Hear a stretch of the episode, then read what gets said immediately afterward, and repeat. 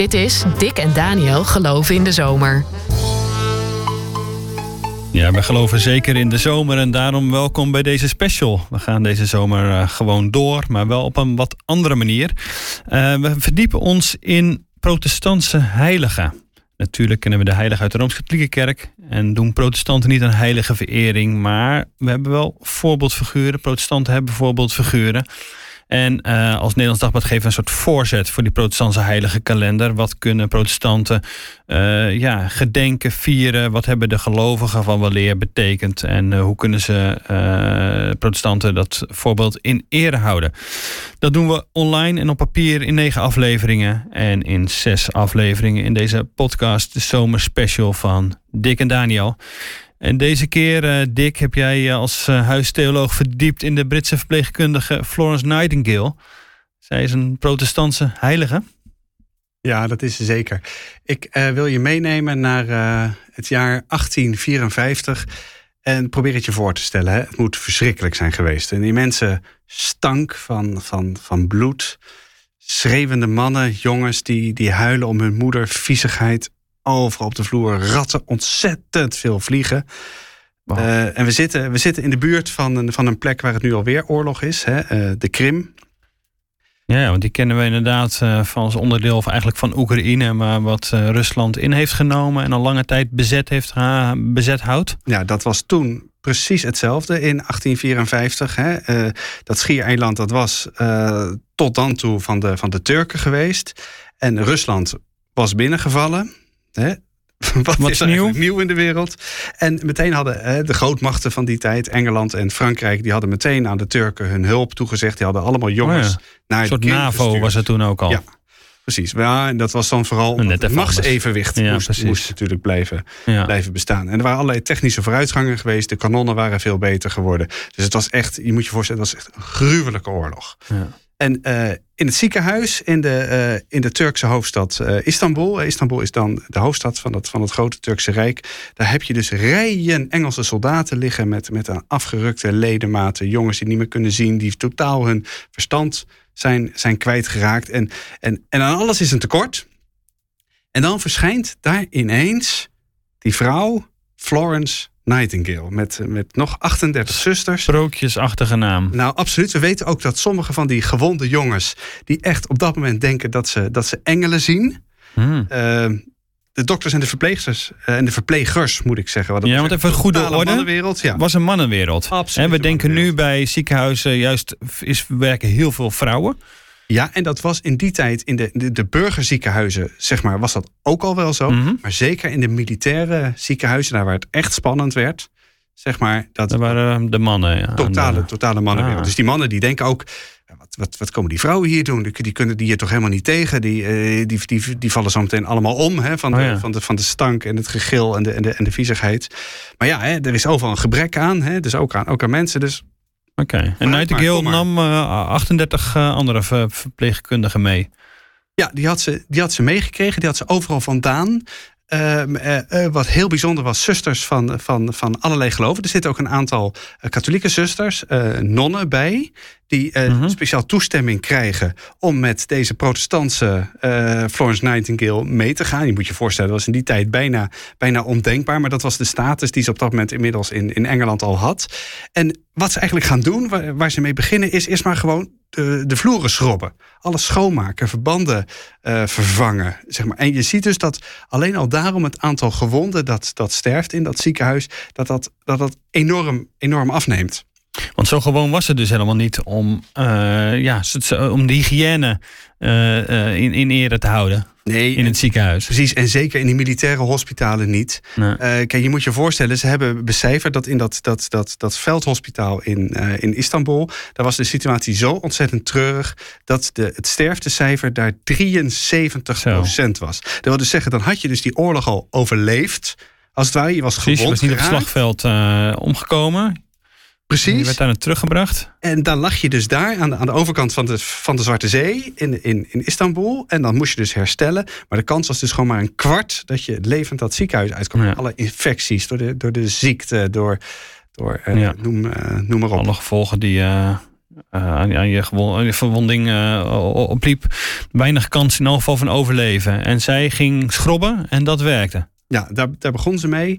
En hoe ze vooral bekend is geworden. Want je, kijk, je, moet, je moet je voorstellen, dit is eigenlijk die Krimoorlog.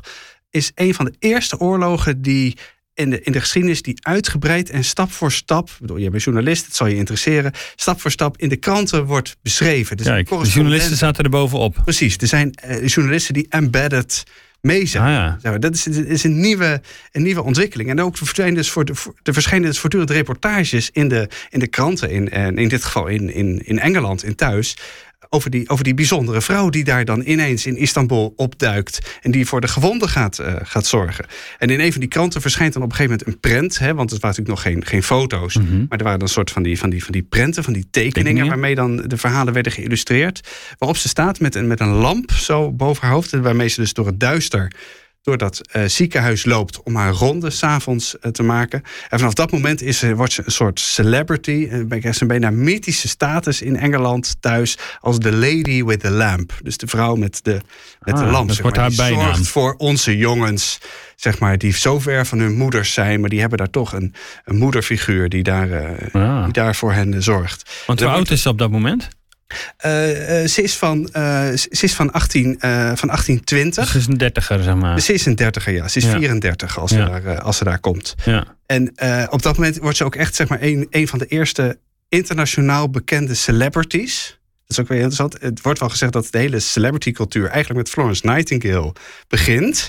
Zeg maar, omdat iemand die dus niet door haar afkomst zozeer, omdat ze een, dat, uh, om die reden bekend was, of omdat ze, om wat ze deed. Dat ik wel de koningin was of prinses. Precies, maar dus... precies maar om, gewoon om wat ze deed, een wereldwijd een enorme, enorme bekendheid. Ja. En dat kwam dus inderdaad ook door uh, dat journalisten verslag van haar werk deden. Ja. Daardoor werd ze bekend en daardoor kreeg ze die wat mythische status. Ja, ja, ja dat is zonder de, de moderne journalistiek, zeg maar, die op dat moment ontstaat, is dat, uh, is, dat, is dat niet, niet, is dat niet uh, denkbaar. Nee, want je zou nu, ik denk bij veel mensen wel, een zo'n belletje gaat rinkelen als je die naam Florence Nightingale hoort. En tegelijk denkt van, was het, is het echt iemand? Was het een boek? oh ja, verpleegkundige, dat kan je nog ergens erbij halen, maar daarna niet helemaal meer, meer weet. Maar ze is dus, hoe is zij zo groot geworden dan? Hoe, wat gebeurde daarvoor dat zij inderdaad uiteindelijk ook naar, naar Istanbul uh, kon afreizen? Ze kwam uit een uh, enorm welgestelde familie. Gewoon schatrijke ouders. Hmm. Uh, tweede dochter in een, in een gezin van, van, twee, van twee dochters. En al op een heel erg jonge leeftijd ontzettend nieuwsgierig. En onderzoekend uh, meisje moet het geweest zijn. We weten bijvoorbeeld dat een van haar... Ze hield heel erg van wetenschappelijke experimenten. Gaan we het zo meteen nog wel even, even over hebben. Over data. Mm. Vond, ze, vond ze heel erg interessant. En een van haar eerste experimenten waarvan we weten... is dat ze... Uh, ze, ze, deed altijd een gebed voor het, voor het, voor het slapen gaan. Uh, voor, voor, voor, voor haar bed. En dat ze vervolgens in een schriftje bijhield... waarvoor ze gebeden had. En of dat ook daadwerkelijk... in een tweede kolom... of dat ook daadwerkelijk verhoord werd. En ze moet waarschijnlijk zo ongeveer een jaar of zes, zeven zijn geweest in die, in die tijd. Ze hele onderzoekende geest. Ze wilde weten, wat, wat werkt er nou? Hoe zit het nou precies? Uh, haar ouders zijn, zijn unitarisch. Dat is ook wel interessant om even op Wat te, is dat precies? Hè? Uh, de unitariërs is een heel klein kerkgenootschap. Uh, even voor het beeld, die, die verwerpen de, de, de drie-eenheid van Christus en de gedachte dat, dus, pardon, de, de, de drie-eenheid van God. Mm -hmm. En de gedachte dat Christus evenzeer God is als, ja. als, als, als God de Vader. Uh, en in Engeland zijn ze ook voorstander van de, van de volwassen doop bijvoorbeeld. En ook heel erg republikeins, dus tegenstanders van, van het Koningshuis. Heel erg liberaal dus. En uh, als zij 17 is, en het is dan, ik heb dat even opgeschreven, uh, eh, 7 februari 1837, dan krijgt ze een hele bijzondere mystieke ervaring. We weten niet hoe of wat precies, maar voor haar stond als een paal boven water later, dat schrijft ze ook in de dagboeken, dat God haar op dat moment riep. En ze krijgt hmm. dan een enorme afkeer van dat lege leventje van haar moeder en haar zus. En haar een beetje een rijke luisleventje? Of wat was ja, het? precies. Uh... Dus je moet je voorstellen, Victoriaans Engeland. Hè, mm. uh, vrouwen werkten niet. Het was als. Nou, dat is trouwens niet waar. Er werkten ontzettend veel vrouwen in die tijd. Maar dat was eigenlijk. In de bediening. Precies, het was een schande. Ja. Als je je maar enigszins kon, kon veroorloven. dan zorgde je ervoor als man dat je vrouw niet hoefde te werken. en als vrouw dat je niet werkte. Nee. Dus je Anders werd je dienstmeid. Uh, precies. Zeg maar. Ja, ja, je liet je bedienen. Je vulde je eigenlijk met ja. thee drinken, met dansen, met wandelen. met uh, brieven schrijven aan elkaar. Mm. Uh, enzovoort. En zij wordt daar totaal, totaal ongelukkig van. Helemaal heel rebels. Uh, er zijn talloze jongens die huwelijksaanzoeken aan haar doen. En die, die worden allemaal oh ja. wegwezen. Want ze, ze, ze, ze is vast ervan overtuigd dat God een andere roeping voor haar heeft. Nou, dat vindt haar vader met name heel, heel, heel gek. Want uh, ja, de roeping van een meisje, dat kan eigenlijk maar één ding zijn. Hè, dat, is, dat is het huwelijk. Dat is gezin stichten. Een gezin stichten. En uh, ze, ze, overweegt zelfs op een gegeven moment om rooms-katholiek te worden. Niet omdat ze met de, de katholieke leer heel veel heeft, maar dan denkt ze: nee, maar die katholieke meisjes, die kunnen tenminste nog, die hebben nog een andere optie. Die kunnen nog het klooster in. Die kunnen nog, die kunnen nog non worden. Die kunnen nog zuster worden. Want, en die kunnen dan nog iets betekenen. En ik, ik ben protestant en ik kan, ik kan helemaal niks. Nee, want ze wilde, nou ja, zeg maar zeggen, voor God aan de slag. Ja, en dan in een hele praktische zin. Dus op een gegeven moment besluit ze ook echt om verpleegster te gaan worden. Haar ouders vinden dat, vinden dat echt een gruwel. Want een meisje van haar, haar, haar, haar stand. dat zulk smerig en vies werk doet. Nou ja, we hadden het al even over hoe vies het in die. Mhm in die hospitalen was. Dat was natuurlijk in die burgerhospitalen wat minder. Maar, maar, maar ook daar was het ja, niet te vergelijken met nu. Nee. nee. Nee. En uh, kijk, nou, dan moet je tegelijkertijd die, die stap van haar ook weer niet te veel romantiseren. Want uh, door haar afkomst en door haar opleiding uh, wordt ze dan wel meteen hoofd van een ziekenhuis. Ik bedoel, oh, ja. wat dat betreft is natuurlijk de hele standaardmaatschappij natuurlijk wel iets anders ja. georganiseerd dan nu. En als dan die, die Krimoorlog uitbreekt, zeg maar, dan, dan, dan weet ze niet hoe snel ze de boot moet pakken, geld bij elkaar moet verzamelen. En dus met die mm. andere zusters daar daar naartoe ja. te gaan. En je noemde al even dat, dat ze een soort nou, uh, godsverschijning kreeg. Hè? Dat ze voor dat, dat, dat God haar riep. Hoe heeft dat geloof verder een rol gespeeld in haar leven? In een hele praktische, uh, liberale zin zou je, zou je kunnen zeggen. Zoals voor eigenlijk verreweg de meeste 19e eeuwers stond het geloof, uh, bedoel, en het feit dat, dat, dat God bestond voor haar als een, als een paal boven water. God speelt ook wel een rol in haar brieven, maar het is vooral haar roeping zeg maar, waar je haar geloof uh, terug ziet komen. Ze voelt zich geroepen. En dat gebruikt ze ook. Ze gaat op een gegeven moment corresponderen met allemaal mensen over de hele wereld. Ook met allerlei leden van het Nederlandse Koningshuis. Uh, er wordt wel gezegd dat zij eigenlijk in de, in de jaren dat ze actief was, een soort informele minister van, van Buitenlandse Zaken van, van dat grote Britse Rijk is geweest. Ze had in elk geval veel meer contacten dan de feitelijke nou ministers van, de, van, de, van, van dat moment. Uh, dus het was ook bevriend met koningin Victoria, de, grote, de grote koningin van, mm -hmm. van dat moment. Maar dat is wat telkens, telkens terugkomt. Want ik heb een roeping. Dus uh, daarom ga ik door. En daarom laat ik me zeker door die mannen niet op de kop zitten. Mm. Uh, dit moet gewoon gebeuren en ik ga, hier, ik ga hiervoor staan en ik ga hier net zo lang voor vechten totdat ik het voor elkaar heb. Ze een heel sterk rechtvaardigheidsgevoel. Zeg maar, opkomen voor de, voor de zwakken. Maar dus heel erg vanuit het idee van ik ben hier, hiertoe door God geroepen. Ja, dus daar was ze erg van overtuigd. Voor zichzelf hielp dat enorm.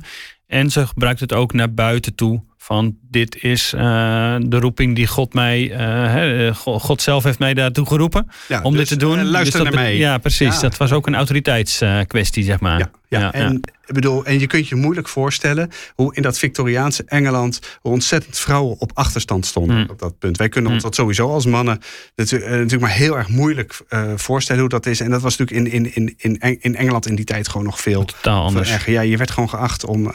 Mm gewoon, wat is het om, om, om bij de open haard te zitten? En je kon koningin worden, dat kon dan wel. Ja, dat kon dan wel. Maar voor de rest, op alle andere niveaus, zeg maar, was het totaal als vrouw was het niet logisch dat je, dat je daar een uh, serieuze plek had. Nee, nee, nee, zonder meer. En dat, en dat is iets wat Florence Nightingale heel erg uh, uh, heeft geprobeerd te, te doorbreken. Voor zichzelf ook, ook, kon, uh, ook kon doorbreken. Ja. Kijk, je moet je voorstellen bijvoorbeeld dat ze, ze op een gegeven moment ook met, met koningin Victoria correspondeert over het feit dat die, die, die gewonde soldaten daar in dat, in, dat, in, dat, in dat ziekenhuis, die hebben op dat moment ook geen loon meer. Want op het moment dat je verscheept wordt naar een, een ziekenhuis, was de gedachte, dan loop je geen gevaar meer om te sneuvelen we zagen net al dat dat, dat het uh, heel nog steeds 73 procent was. Maar, Precies, okay. maar de gedachte van de generaal was nee, bedoel, want dan loop je geen gevaar meer. Mm. Kunnen je niet meer opstellen. Dus we stoppen je loon. Mm. Dus die jongens die goede werkgeverschap was dat, not. Not, nee. Uh, dus die jongens die lagen daar waren ja. vaak voor hun leven lang gehandicapt. Ja.